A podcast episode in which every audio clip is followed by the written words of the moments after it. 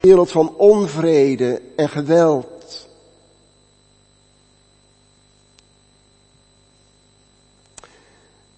Terwijl de ballingen in Babel min of meer als gevangenen hun weg zoeken, is Jeremia, de profeet, nog in Jeruzalem achtergebleven. De stad is nog niet verwoest. Nog niet. En er gaan stemmen op om tegen koning Nebukadnessar in opstand te komen. Er is een profeet die beweert dat God hem heeft geopenbaard dat al binnen twee jaar de koninklijke familie zal terugkeren. Dat is te lezen in de voorafgaande hoofdstukken van Jeremia. Mensen, het valt allemaal wel mee. Binnen twee jaar is de ellende voorbij. Corona, ach, dat is maar een griepje. Klimaatverandering door onze menselijke inbreng, wel nee. Een stikstofprobleem, waanzin.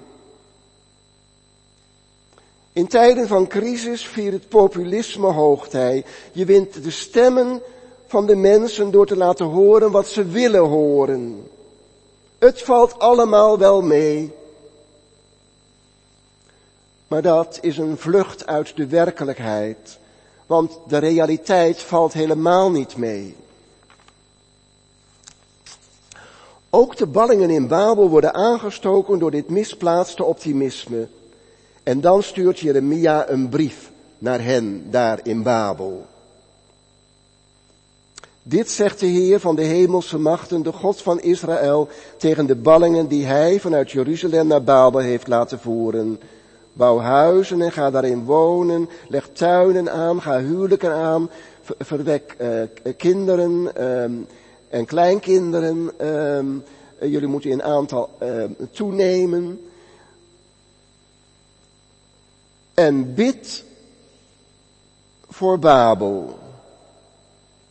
Bid voor de stad waarheen de Heer jullie heeft weggevoerd. Bid voor Babel. Oh, Zettel je daar als burgers van Babel en werk constructief mee in de stad van de vijand. Bid voor Babel. Wat een vreemde opdracht is dat. Jeremia, waar is je geloof? God kan toch wonderen doen, wonderen van bevrijding. Jeremia, geloof je niet meer dat God zijn volk zal bevrijden? Geeft Jeremia zich nu over aan doffe berusting? Mensen, het is jammer, jullie moeten, jullie moeten er maar mee leren te leven. Het riekt bijna naar landverraad. Bid voor je vijand en zet je in voor de voorspoed van de bezetter. Hoe kan Jeremia dit schrijven?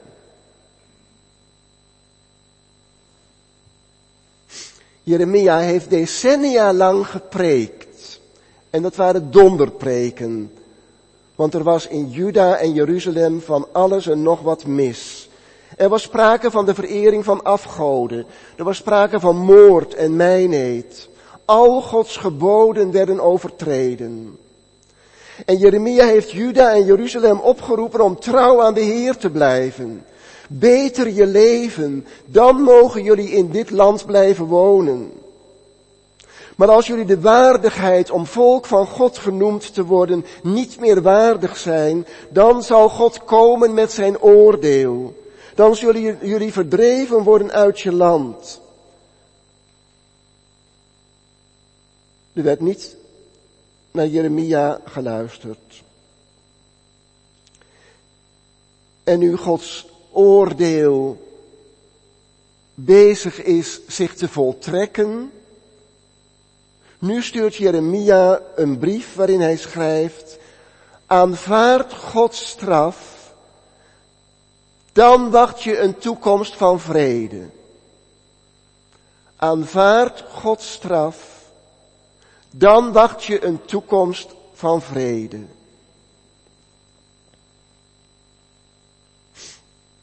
In dit hoofdstuk uit het profetenboek van Jeremia horen we twee stemmen.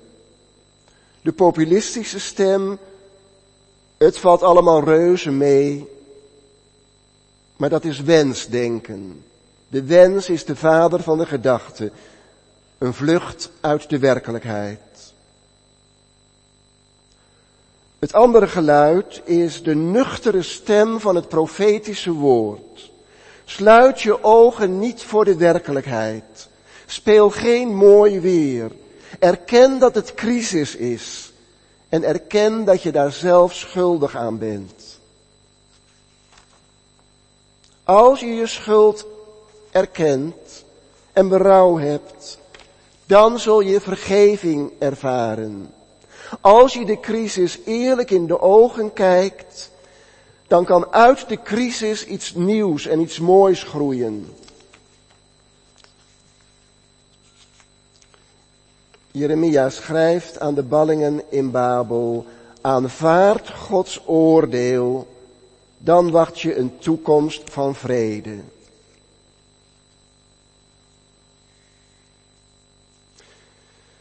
Vandaag is het crisis in en rond Israël. Een angstwekkende crisis.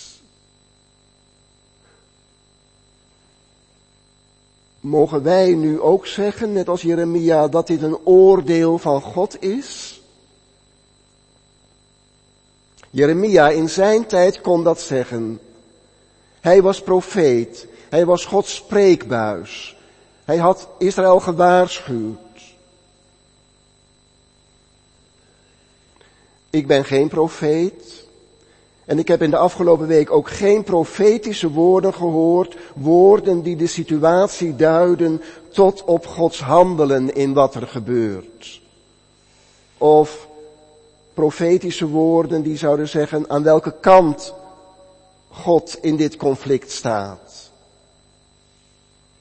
Laten we hier uiterst voorzichtig mee zijn. Laten we weer naar de profetische stem van Jeremia luisteren. Misschien horen we woorden die we kunnen toepassen, die een goed geluid laten horen te midden van het conflict tussen Israël en het Palestijnse volk.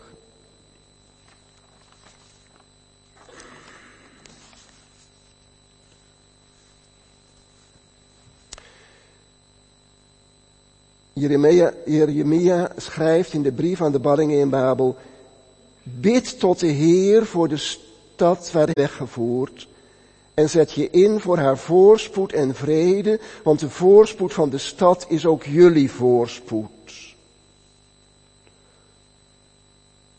Letterlijk staat daar, zet je in voor de vrede van Babel, want de vrede van Babel is ook jullie vrede. Tot drie keer toe klinkt het woord vrede.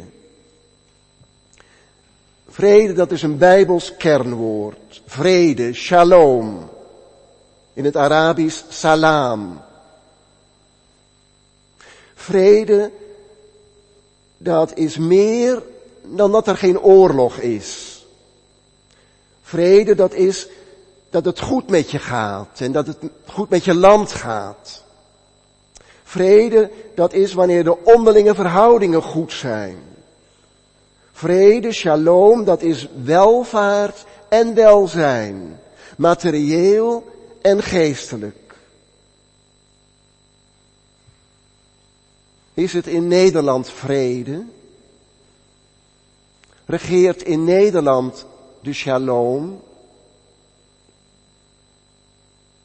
Om de Nederlandse samenleving te benoemen als vrede, als het Bijbelse shalom, dan moeten we wel een aantal crises wegdenken. En dan moeten we ook vergeten dat veel mensen hier in Nederland onder de armoedegrens leven. En als je vrede opvat dat er bij ons geen oorlog is, ik vind dat het ook dat niet opgaat. Laten we de Russische dreiging niet onderschatten. De Oekraïners vechten ook voor onze vrede. En zij zijn onze blijvende steun dubbel en dwars waard.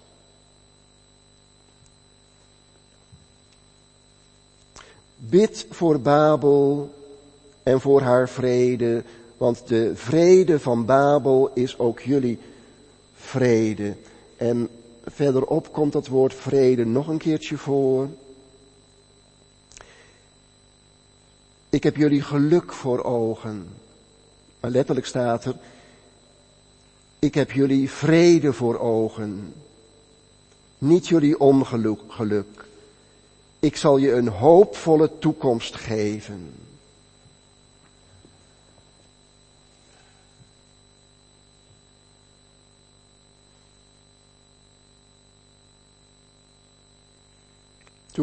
Als we nu denken aan het, aan het huiveringwekkende conflict tussen Israël en het Palestijnse volk. God heeft jullie vrede voor ogen. Het gaat God altijd, God is, God is altijd uit op vrede.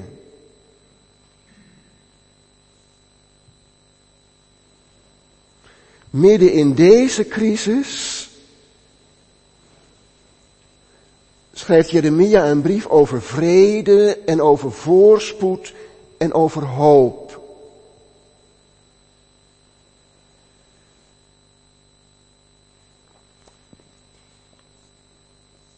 De brief gaat verder. Dit zegt de Heer. Als er in Babel 70 jaar voorbij zijn, niet die twee jaar die die leugenprofeten, die nepnieuwsers uh, uh, vertelden, Nee, als er in Babel 70 jaar voorbij zijn, zal ik naar jullie omzien. Dan zal ik mijn belofte gestand doen door jullie naar Jeruzalem te laten terugkeren. Als er in Babel 70 jaar voorbij zijn, zal ik naar jullie omzien. God ziet om naar zijn volk. Hoe vaak staat dat niet in de Bijbel? De Heer zag om naar zijn volk toen het in slavernij in Egypte was. De Heer zag om naar de kinderloze Hanna. Maria zingt, de Heer heeft omgezien naar mij, zijn minste dienares.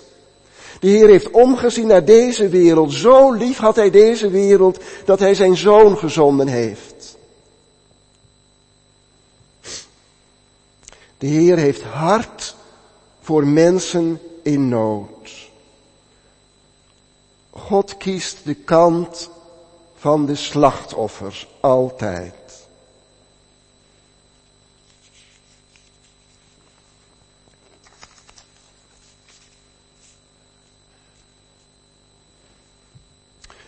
Hoe kunnen wij leven in een chaotische en onveilige wereld?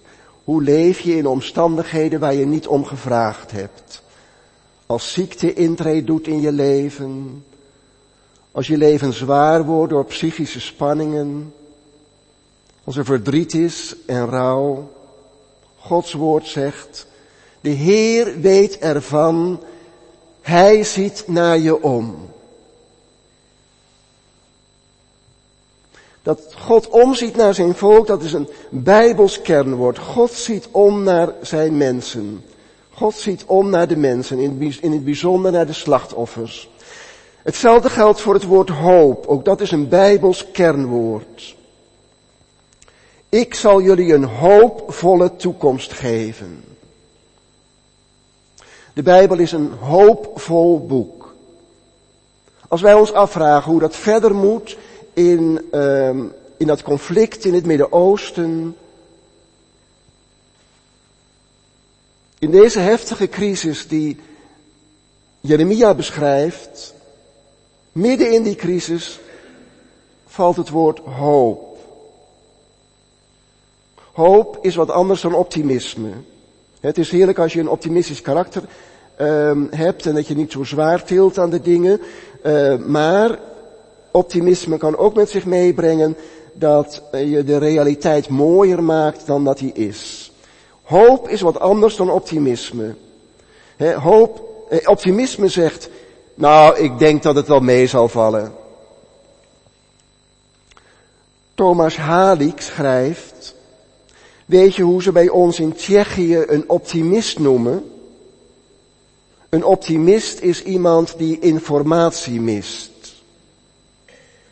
Een optimist wil alleen maar een gedeelte van de realiteit zien. Een optimist is iemand die informatie mist.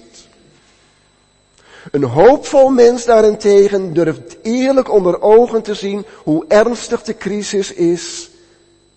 En toch hoopt hij, toch heeft hij hoop. Want hij gelooft dat God altijd groter is dan de omstandigheden. Als God in het verleden naar mensen in nood heeft omgezien, dan zegt de christelijke hoop, hij zal ook in de toekomst hulp bieden.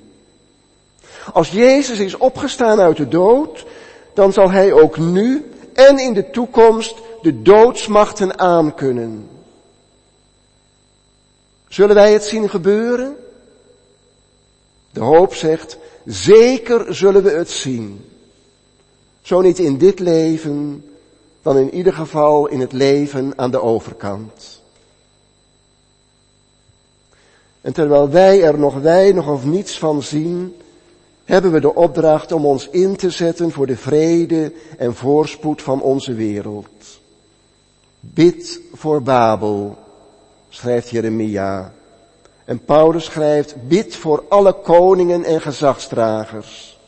Nou, en het was in de tijd van Paulus zeker geen christelijke overheid, integendeel. Bid en zet je in. Laten we als kerk en ook persoonlijk steun geven aan alle initiatieven die genomen worden voor vrede, voor welvaart, voor gerechtigheid, voor klimaatbescherming. Bid en zet je in. Bid en doneer. De hele schepping zucht en lijdt, lazen we in Romeinen 8. Maar ze zucht als in barensnood. De wereld is in verwachting. Ze ziet uit naar verlossing. Nou, laten wij dan ondertussen prenatale zorg verlenen door zorg voor elkaar, door zorg voor slachtoffers, door zorg voor de aarde. Totdat Gods koninkrijk komt en zijn shalom. Amén.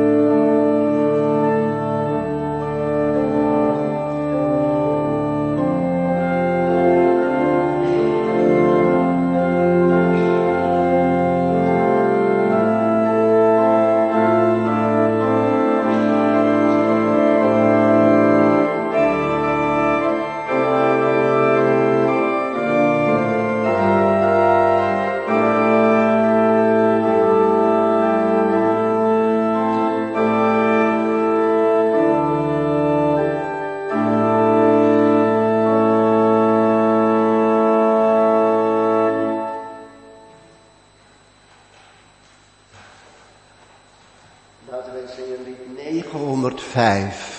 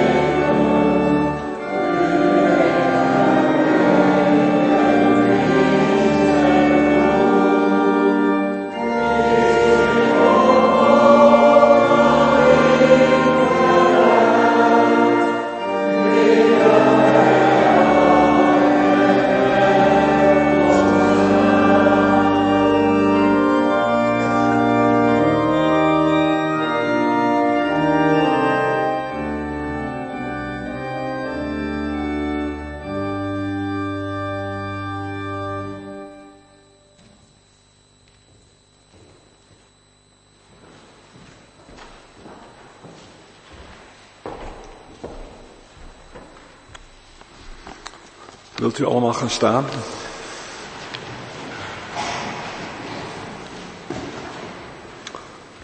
Het in memoriam van Gerrit-Jan Denenkamp. Op 5 oktober 2023 is op 94-jarige leeftijd overleden Gerrit-Jan Denenkamp. Jan Denenkamp heeft altijd bij de politie gewerkt en woonde met zijn vrouw Ans aan de Driehuizerweg. Jan Denenkamp is geboren op 10 maart 1929 in Den Haag en op 24 juli 1959 trouwde hij met Ans Hulleman. Ze kregen een dochter en een zoon en vier kleinkinderen. Afgelopen juli mochten ze een 64-jarig huwelijksjubileum vieren. De gezondheid van Jan ging de laatste tijd achteruit. Na een onderzoek en korte opname in het Gelderen kregen ze de boodschap dat ze niets meer voor hem konden doen. Daarna is Jan verzorgd in het hospice. Ans is tijdens zijn verblijf verhuisd naar Mandela. Op 5 oktober is Jan Denenkamp overleden. Op 12 oktober heeft het afscheid en de crematie in kleine kring plaatsgevonden. We gedenken Gerrit-Jan Denenkamp hier in de Goede Herderkerk door zijn naam toe te voegen aan de gedachteniswand tussen hen die ons zijn voorgegaan. Niemand leeft voor zichzelf. Niemand sterft voor zichzelf. Wij leven en we sterven voor God onze Heer. Aan Hem behoren wij toe.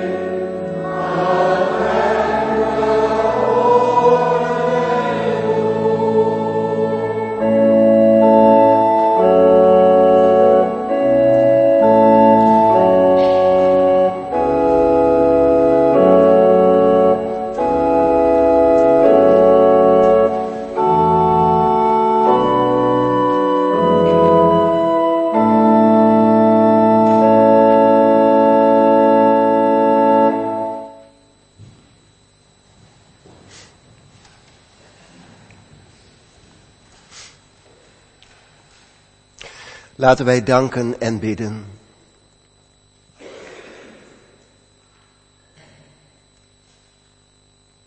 Heer onze God, we danken u dat u een God bent die van vrede spreekt, van liefde en trouw, om ons en deze aarde een hoopvolle toekomst te geven. Wij bidden u, wilt u ons inspireren en helpen om uw medewerkers te zijn. We bidden voor mensen die in een situatie beland zijn die ze niet gewild hadden. Bidden voor hen die ziek zijn. Voor de mensen die rouwen om een geliefde. We bidden voor mevrouw Denenkamp en haar kinderen en kleinkinderen. We bidden voor mensen die in armoede terechtgekomen zijn. Voor de slachtoffers van onrecht en geweld of van natuurrampen. We bidden voor mensen die op de vlucht moesten slaan. En nogmaals bidden wij u om vrede en gerechtigheid in Israël en voor het Palestijnse volk. We bidden om vrede voor Oekraïne, een rechtvaardige vrede. We bidden voor Soudaan, om vrede en bescherming van de burgerbevolking. En wilt u naar ons luisteren, nu we in stilte bidden.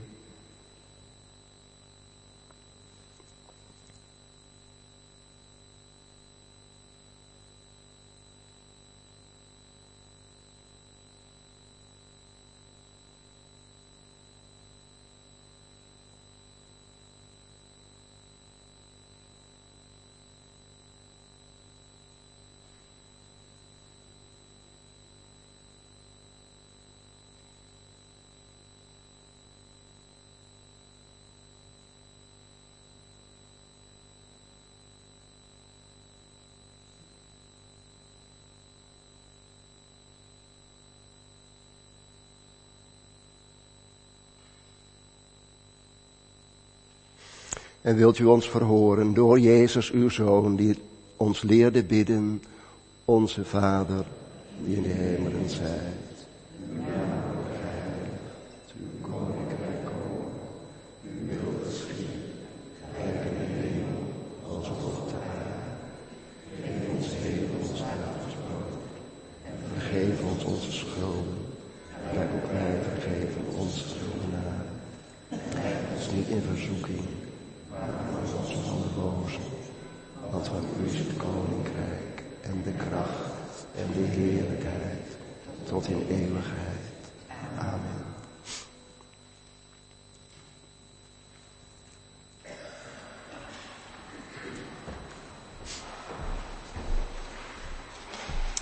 De collectes van vandaag. De eerste collecte is bestemd voor de diaconie en wel voor het Christelijk Noodfonds Apeldoorn. De tweede collecte voor onze eigen Goede Herderkerk en de derde collecte is bestemd voor de wijkas. Uw bijdrage kunt u geven bij de uitgang of via de Apostel-app of via de link op de zondagsbrief.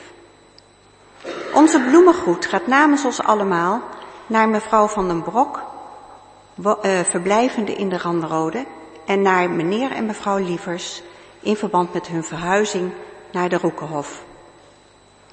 Bij de meeleefbord in de hal kunt u zich melden om de bloemen weg te brengen of even bij mij te komen.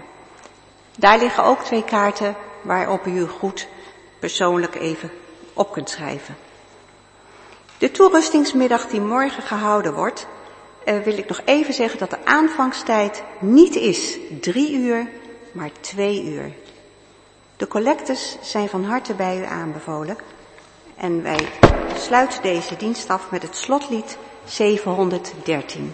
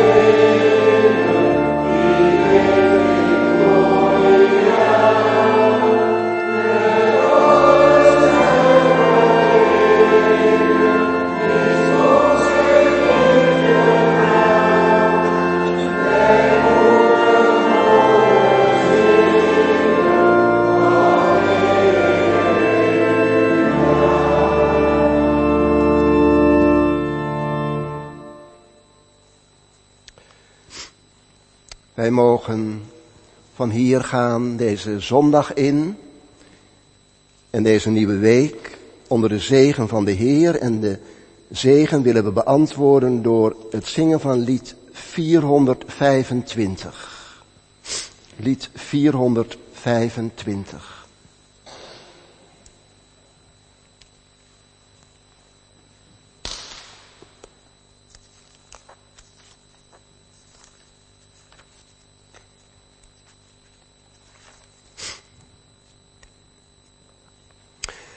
De Heer zal u zegenen en hij zal u beschermen. De Heer zal het licht van zijn gelaat over u laten schijnen en hij zal u genadig zijn. De Heer zal u met liefde in de ogen zien en hij zal u shalom geven.